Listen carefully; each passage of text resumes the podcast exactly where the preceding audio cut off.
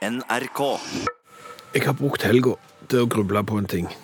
Tenkt litt på Om du tror det er dyr som trener, som mosjonerer Har du brukt mye tid på dette? Ja, jeg har det. Og nå er det noen som kan si at jo, det finnes vel viktigere ting å bruke tid på, det kan jeg være helt enig i, men, men det har nå slått meg, og det er den tanken som har ridd meg i helga. Er det dyr som trener, mosjonerer, sånn som vi mennesker gjør, eller er det kun vi mennesker som, som skal ut på en joggetur? Da vil jeg først stille spørsmålet, Tenker du da på dyr som vi har på en måte som kjæledyr i, i fangenskap, eller tenker du på, på frie dyr ute i naturen på savannene? Nei, nei, jeg tenker på frie dyr, fordi at eh, jeg vet jo at det er hunder og, og katter som blir mosjonert, eh, tatt ut på tur, fordi at de har eh, ligget på sofaen i 23 timer i døgnet og gafla i seg eh, maten som står på vaskerommet helt fritt, og det har de gjort i årevis, og til slutt så bærer de preg av det. Og så må eieren ut og trene de. Nei, jeg, jeg tenker på, på ville dyr, ja, som frivillig drar ut og mosjonerer. Altså, jeg ser for meg liksom en sånn antilope på, Ja. på, på savannen der, som rusler bort eh, til, til vannhullet og stikker nasen sin, eller hva det heter for noe, ned i, i vannet, og så ser han speilbildet der, så tenker han, Gud hjelpe meg, tid skjedde dette?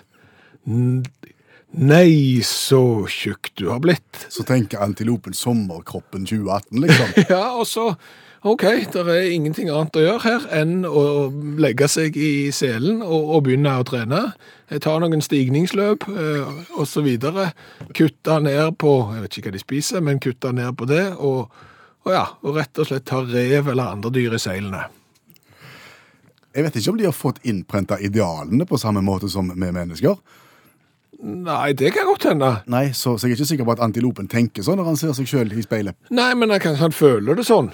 Altså at han merker det. For, for det jo, så merker jo vi òg det, at når eh, kroppsvekten blir for stor, så, så blir bevegelsesfriheten betydelig mindre. Og, og, det kan jo hende at antiloper og andre dyr merker òg. At de føler seg ikke sånn som de burde. Nei, ikke, jeg vet ikke. Nei. Nei. Nei.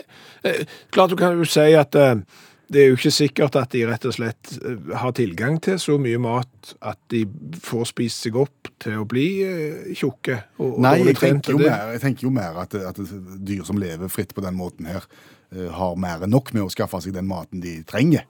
Ja, Og, og maten de får i seg er nok sunn òg. Jeg tenker det er ikke for mye av, av sukker og, og kolesterol i den maten Nei, antilopen får men det er, nok, det er nok de dyrene som, som kanskje har et veldig ensidig kosthold med mye rødt kjøtt. Eh, For eksempel løve, og at det kanskje ikke er heldig over tid. Og, når jeg ser på disse naturfilmene, så ser jeg jo ganske mange dyr som i det øyeblikket de har sjansen, så legger de seg ned. Ja.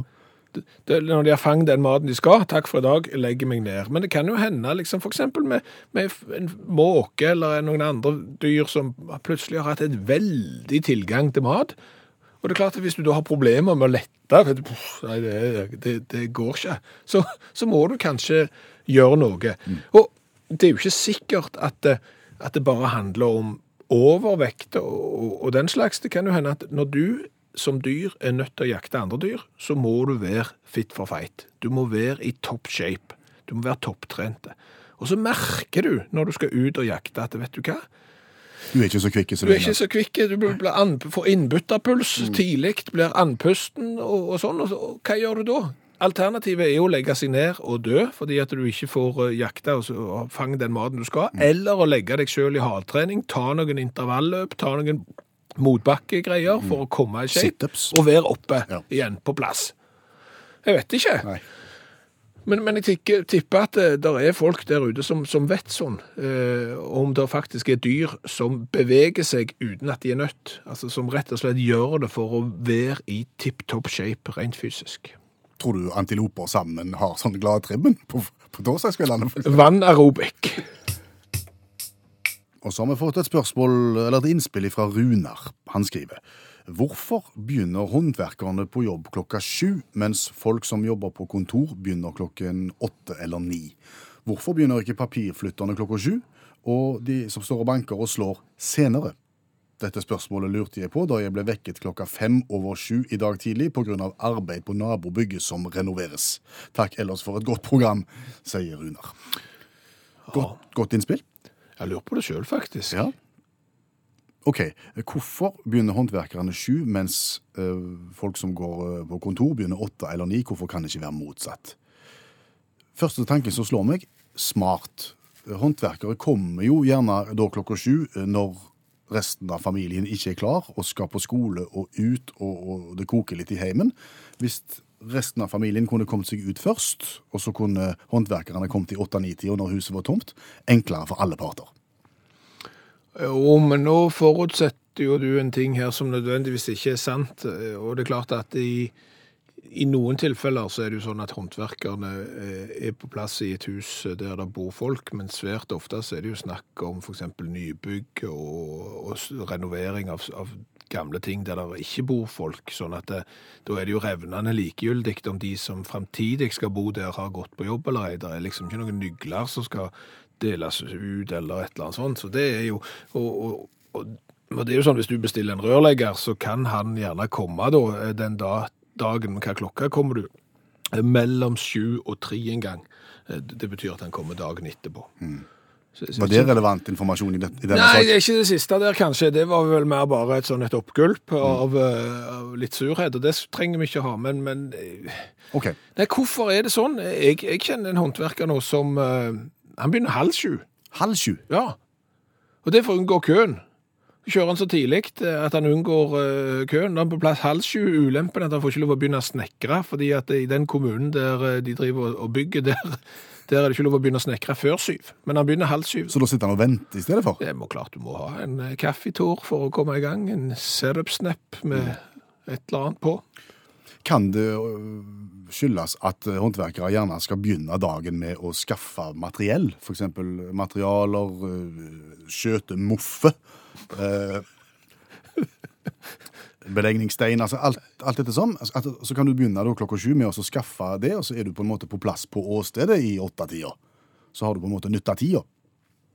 Jo, men det er jo ikke noen logikk i det heller, for du kan jo få tak i de tingene du trenger f.eks. klokka åtte eller klokka ni òg. Du, du bare slutter jo seinere. Du får jo gjort Arbeidsdagen er jo akkurat like lang, det er jo bare at du begynner tidligere. Jeg vet ikke om det er noen premissleverandører fra gammelt av som har sagt at eh, sånn skal det være. Vi er en bransje med håndverkere, vi skal begynne en time før de andre. Hva da for? Har ikke peiling. Ja, men vi har ikke lyst til det. Nei, men sånn skal det være. Eh, det er jo litt rart. Det har, ja, og En har en følelse av at det alltid har vært sånn. Ja, og vi skal jo være glad for at det er sånn. Altså, Ikke at nødvendigvis at håndverkerne begynner sju, eller at andre begynner klokka åtte, klokka ni, men hvis alle begynte nøyaktig samtidig, da hadde jo kaoset vært komplett.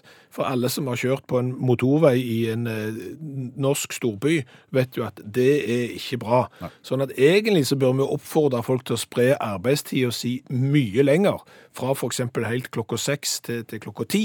Det ville jo vært optimalt. Gjerne med en turnusordning annenhver onsdag og, og litt sånn oddetallssuger og vet ikke jeg om du skulle, skulle løst det. Men jeg, jeg er moden for et bytte, jeg, altså. at eh, Nei, jeg er ikke det. Nei. Forresten, jeg tenkte meg om, så er jeg ikke det. Jeg er sjeleglad for at noen tar jobben med å begynne klokka syv, sånn at jeg slipper. Men vi vet jo det at det er mange håndverkere som hører på utakt. Ja. Vi får mye tilbakemelding om det. Så, så nå er du ute på jobb, du som er håndverker, Mm. og du vet hvorfor det er sånn antageligvis. Kan ikke vi få lov til å høre Ja. og få svaret på hvorfor en begynner klokka sju? Ja. Da kan du svare enten på SMS, sende den til 1987 og starte med utakt, eller så kan du bli medlem av vår Facebook-gruppe som heter Utakt, og så kan vi ta debatten der. ja. Hvorfor begynner håndverkerne klokka syv, mens svært mange andre begynner klokka åtte? Altså, Runar slår jo seg sjøl i hodet her, det, det ser jeg jo først nå. Ja. Altså, Han vil jo foreslå at han sjøl skal begynne på jobb sju, eh, mens håndverkerne kan begynne åtte, sånn at han skal slippe å bli vekt av håndverkerne. Men når han ble vekt fem over sju av håndverkerne, da er han jo allerede fem minutter for sein til, til sin nye jobb. Ja. ja så det resonnementet der er jo syltynt, for å si det fint. Wir spielen gezwungenes deutsches Karaoke.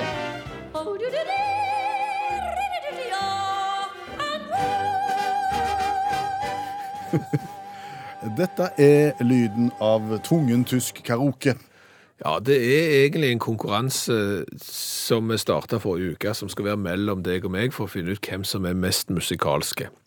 For det er jo sånn at når du sitter i bilen og hører en sang som du gjerne aldri har hørt før i hele ditt liv, så kan du plutselig synge med sangen, for det er en musikalsk logikk i det. Eh, Men for å utfordre hverandre skikkelig på dette her, så har vi jo da gått til et musikkmarked hvor vi er veldig blanke i utgangspunktet, og da er vi innenfor den tyske musikken. Ja, eh, tysk populærmusikk, eh, både ny og gammel, kan vi særdeles lite av og om, så sjansen for at du skal dette opp i en sang som du har hørt før der, er veldig liten.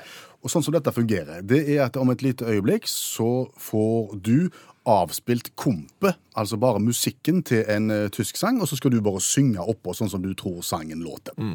Men for at dette skal være kjekt for, eh, for deg som hører på radio nå, så bør du jo få høre hvordan den sangen egentlig skal høres ut før Skjæveland prøver. Ja, Det betyr at jeg nå tar av meg headsetet, går ut av studio, og så får du ordne opp med lytterne dine. Ja, da skal jeg gjøre det. Så skal vi bare få ut han, og så skal du få høre den sangen som han skal synge. Han skal da synge eh, sangen om fru Svalb. Den høres sånn ut. Frau Schwalbe ist ne Schwätzerin, sie schwatzt den ganzen Tag. Sie plaudert mit der Nachbarin, so viel sie plaudern mag. Das zwitschert, das zwatschert den lieben langen Tag. Das zwitschert, das zwatschert den lieben langen Tag. Sånn låt den historien der, og der kan du få lov til å komme inn igjen. Takk. Er du spent nå? ja, Nå en skal- sang jeg aldri har hørt, men en tekst jeg aldri har lest. Nettopp. Vil du ha litt klang på stemmen når du synger? Hallo? Ja, sånn må jeg ha. Det er mye bedre. Og så er det jo ikke så mye mer å lure på. Eh, Det er jo da historien om fru Schwalbe eh, til melodi av eh, Carl August Kern. Teksten er skrevet av Georg Christian Diffenbach, som levde mellom 1822 og 1901. Det er jo én ting her som er litt urettferdig. Det er at du har hatt tysk på skolen, jeg har bodd i Frankrike. Det, det skal ikke gå utover meg. Ok. Er du klar? Ja. Syng om fru Schwalbe, Skjæveland.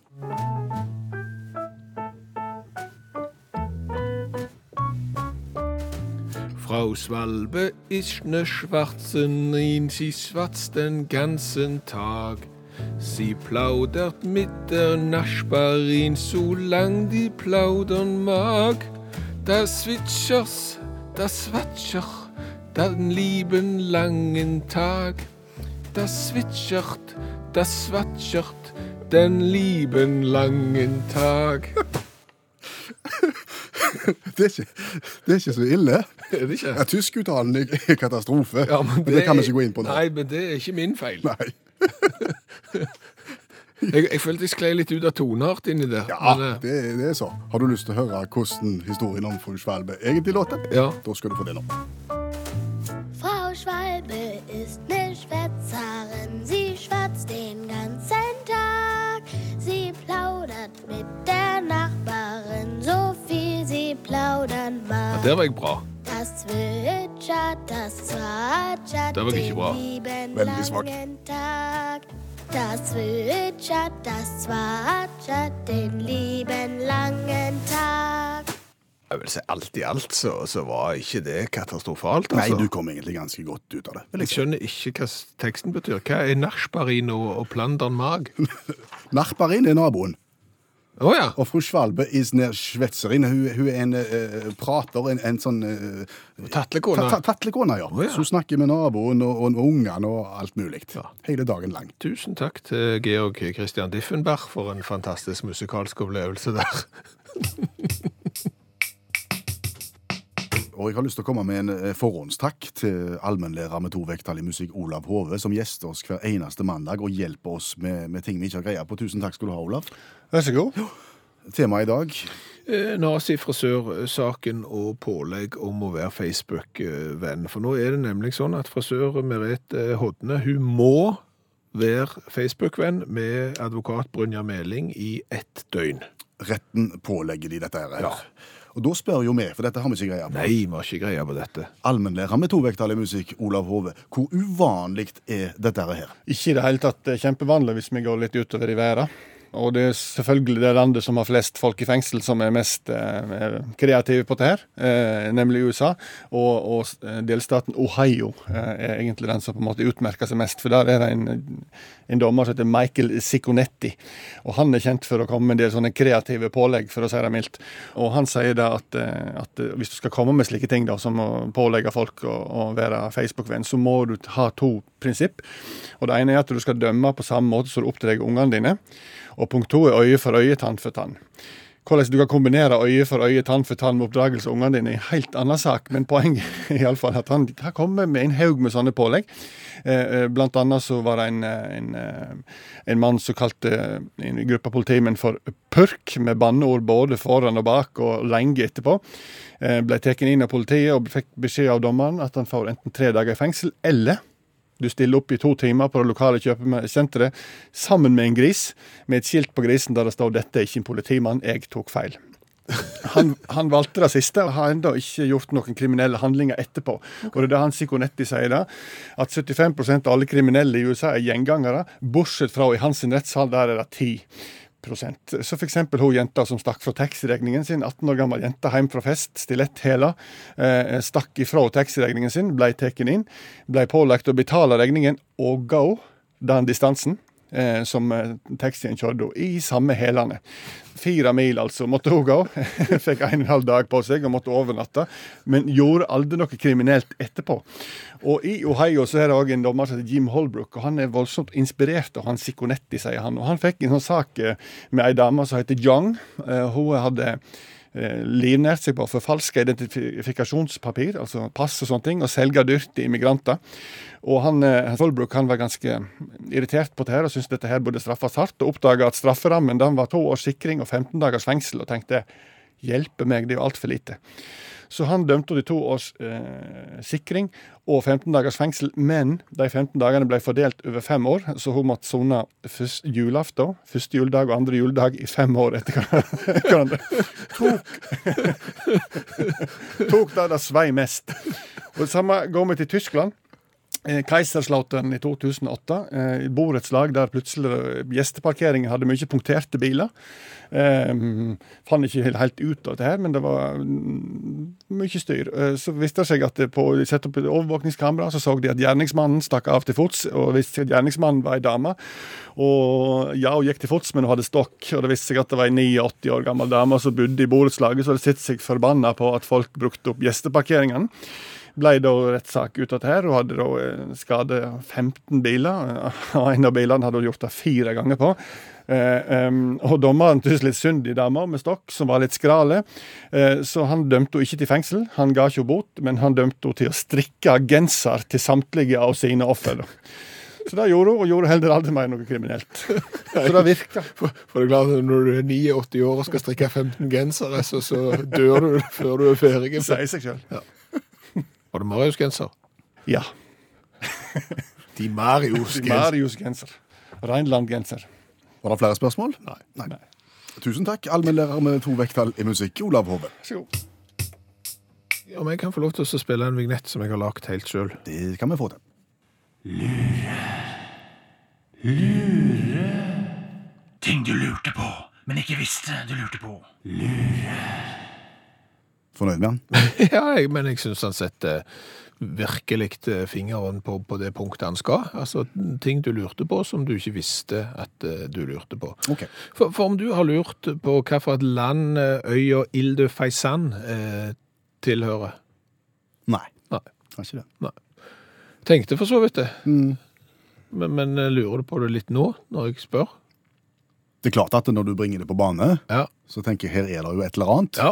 Så da lurer jeg jo egentlig, når jeg tenker meg om på hvilket land, hva heter det jo, Ilde de Faisan tilhører. Ja, stemmer det. Eller Isla dos las Faisanes. Jeg er ikke så god på, på, på det språket der heller, men eh, det er da greit. Nei, for, for tenk deg at du har uh, Spania og, og Frankrike. Ser du for deg de landene der? Ja. Så har du Biscayabukta. Eh, Og oppe nede i hjørnet der til venstre i Biscayabukta, nede i høyre hjørne, hvis du ser det på den måten, så, så kommer det jo elven som liksom deler Frankrike og Spania. Nord-Spania og Sør-Frankrike. Stemmer det. Ja, der, der. Der er det en plass som heter Bidassoa. I den elva, der ligger der ei lita øy som kalles Ile de Faisan på fransk. Den ligger i elva, ja. Ja, Isla de los Faisanes på spansk. Og hvem eier den? Nei, det var jo det du lurte på. Ja, det var det jeg lurte på om du lurte på. Jeg vil jo gjette på at det enten er Spania eller Frankrike. Ja, eller begge. De er i gang sammen, ja. Ja, Oh, ja. det, det, for å si det sånn, det er litt som å være skilte foreldre.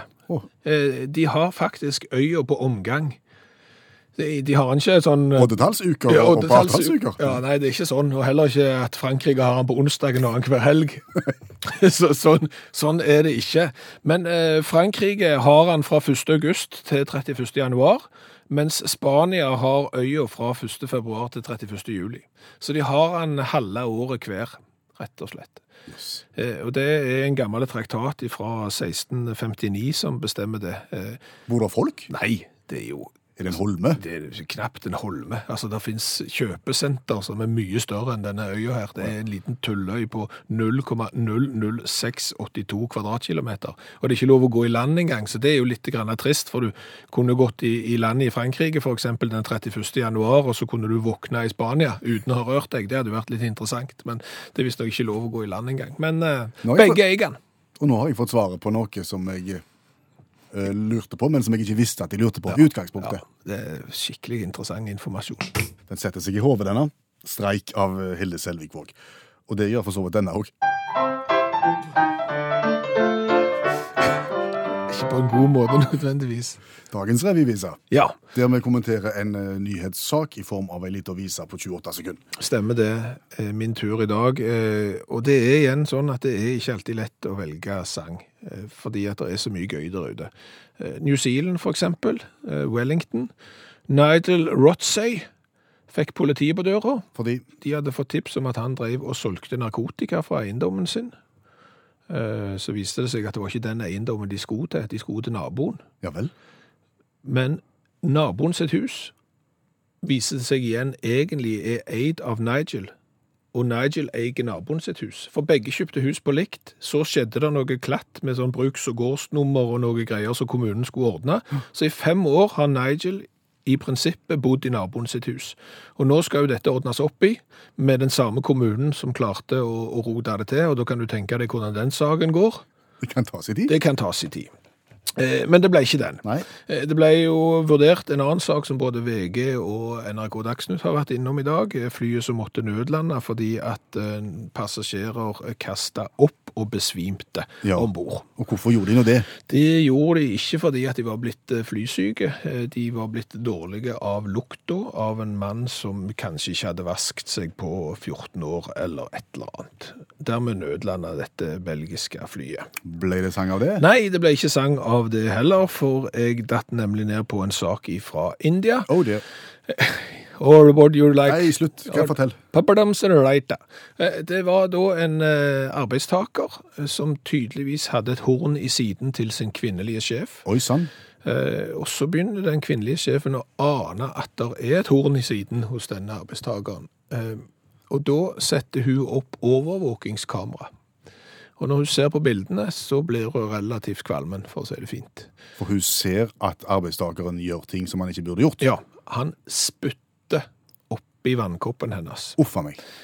Eh, og han blir jo da suspendert. Eh, så kan du lure på, er dette et spesielt indisk fenomen? For i samme regionen så er det en mann som er dø dømt, ikke for å ha spytta i koppen til arbeidsgiveren sin, men rett og slett ha servert arbeidsgiveren sin urin. Uff. Så det er nok et eller annet eh, der. Det er nok kanskje en måte å uttrykke misnøye på i India, etter det jeg har grunn til å tro. Beger er fullt, på en måte. Bokstavelig talt. Ja.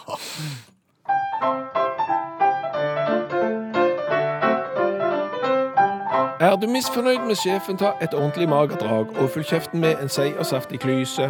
Kikk til høyre, så til venstre, sjekk at ingen andre ser. Vis din direktør at du er ingen pyse. Sikkelspytt og skum, det spyr du opp i koppen. Det er Dåse Mikkelen som er på inntektstoppen. Og hvis jobbens konge drikker spytt og føler seg helt fin, ta en kaffekopp og fyll den med urin. Du, hva har vi lært i dag? Å, du all verden, vi har lært eh, ganske mye. Så. Men samtidig ikke nok. Å, For vi har jo prøvd å finne ut hvorfor er det sånn at håndverkere begynner klokka syv på jobb, mens andre papirflyttere, eller kall det hva du vil, eh, begynner klokka åtte. Eh, Der har vi ikke fått et svar, men vi har fått indisier. OK. Eh, Svein begynner klokka syv, fordi at da er folk hjemme, og det er lettere å starte jobben. Han er håndverker. Han er håndverker, da treffer han folk hjemme før de går på jobb. Ok. Eh, Så er det Rønnaug, jobber som gartner. De begynner klokka halv sju. eh, Får samla folk og utstyret og er klar til å starte jobben klokka syv. Det å komme seg opp om morgenen og få mye ut av dagen og ha fri halve fredagen, det er genialt, sier Rønnaug. Eh, Så er det sånn, en liten brannfakkel fra Runar her, som er rørlegger. For de som jobber fysisk, har bedre fysikk og klarer å komme i gang tidligere enn de inaktive på kontor. Derfor begynner de tidlig. Det, det er en brannfakkel når det er så tørt i gresset som det er eh, nå. Birgit siterer et gammelt ordtak. Når sola gjeng ned i vest, arbeider de late best. Ja, vi sier ikke mer.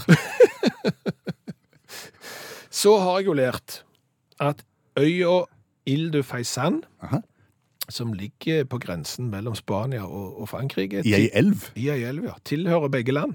De har rett og slett delt omsorg. De har halve året hver. Seks måneder hver har de ansvaret for denne lille holmen. Så, så det går an, selv for store land, å bli enige om noe. Dette ble de enige om i 1659, da. Og den øya er ikke noe å ha på heller. Det er jo ikke større enn et frimerke. Det er greit.